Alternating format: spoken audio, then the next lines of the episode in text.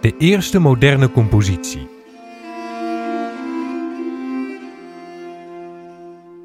In 1448 meerde in de haven van Marseille een schip aan dat via Pisa uit Constantinopel kwam.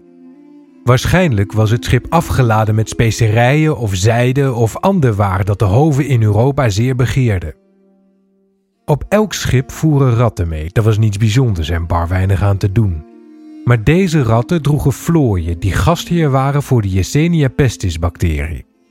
Doordat ratten zich graag in huizen verborgen, was het makkelijk voor de luizen om over te springen van rat naar mens. Zo'n luis hoefde één keer je bloed te zuigen om je te besmetten met de pest.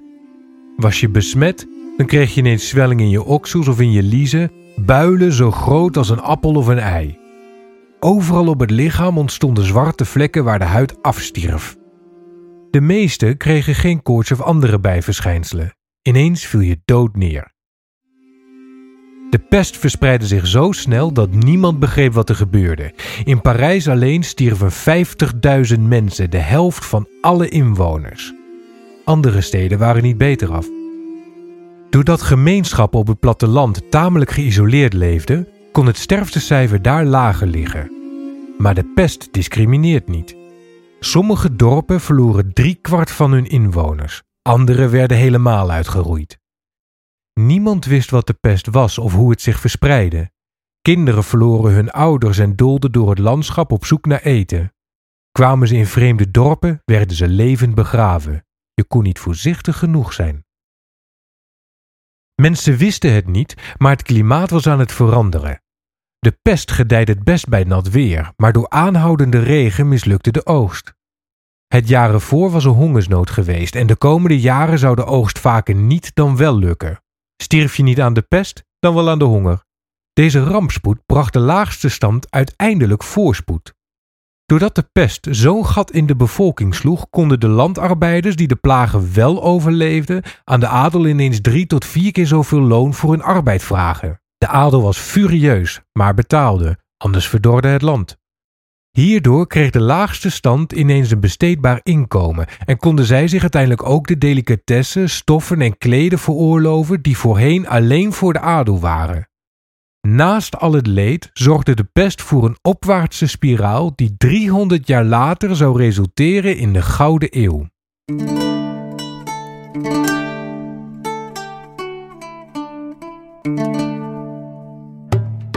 De dichter Guillaume de Machaut was een van die mensen die de pest overleefden, maar als je zijn gedichten leest, merk je er niets van.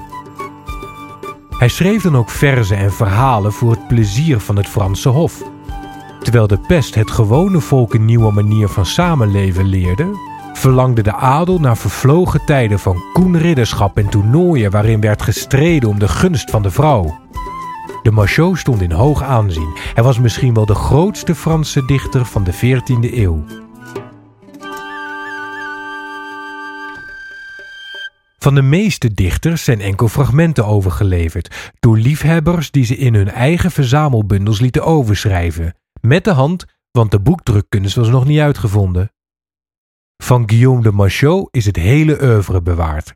Onder zijn leiding is namelijk zijn verzameld werk gepubliceerd met bijna 800 verhalen en gedichten, evenals zijn composities. En door één compositie is hij de belangrijkste componist van de 14e eeuw, de Messe de Notre-Dame.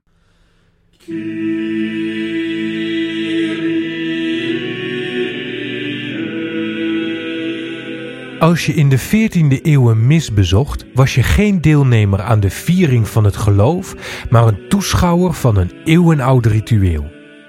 Een mis bestond uit een aantal vaste gezongen delen, het ordinarium genoemd, die worden afgewisseld met gebeden en gezangen die elke dag en elke mis verschillen. De tekst van het ordinarium bestaat uit vijf delen. Het koor kon kiezen om de Gregoriaanse versies van het ordinarium te zingen of een nieuw gecomponeerde versie die een zetting wordt genoemd. Er zijn verschillende bundels uit de 12e en 13e eeuw waarin allemaal verschillende zettingen van de misdelen verzameld zijn. Voor elk misdeel kon het koor naar goeddunken een zetting kiezen. Wat de Messe de Notre-Dame bijzonder maakt, is dat Guillaume de Machaut de eerste componist is die de losse delen van het ordinarium muzikaal aan elkaar reeg. Alsof hij de eerste schrijver is die bedenkt dat je van losse verhalen een boek kunt maken door in elk verhaal dezelfde personages en onderwerpen te laten terugkeren. Elke componist die na hem een misschreef, of het nu Bach, Mozart of Stravinsky is, borduurt voort op het idee dat de losse delen samen een grote geheel vormen. Maar niet alleen in een mis komt dat terug. Overal in de klassieke muziek, of je nu naar een sonate luistert of een symfonie, altijd proberen componisten de verschillende delen met elkaar te verbinden. En Guillaume de Machaut had als eerste dat idee.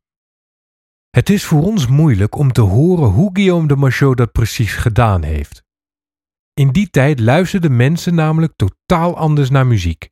Wij groeien op met popmuziek en de basis van popmuziek is akkoorden, gespeeld door de piano of gitaar, waar bovenop iemand de melodie zingt.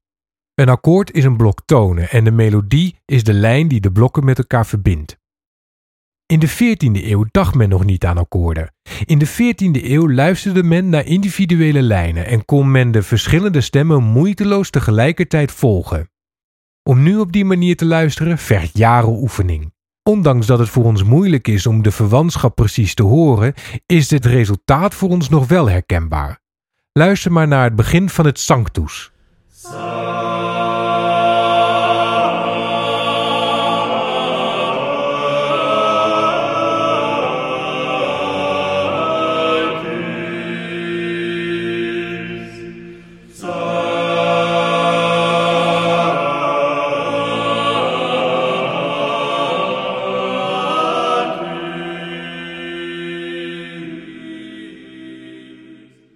En luister nu naar het begin van het Agnus Dei.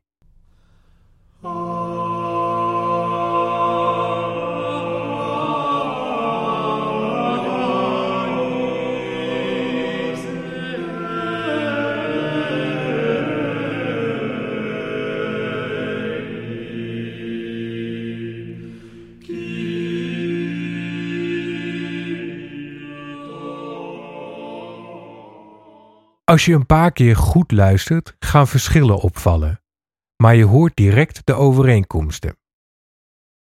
Of dit echt is hoe de Mes de Notre-Dame rond 1360 heeft geklonken, weten we niet. We hebben de noten en de tekst, maar dit is alleen een blauwdruk van die muziek. Ornamentiek bijvoorbeeld werd niet genoteerd. Als we nu denken aan middeleeuwse koormuziek, dan stellen wij ons zuivere, pure muziek voor.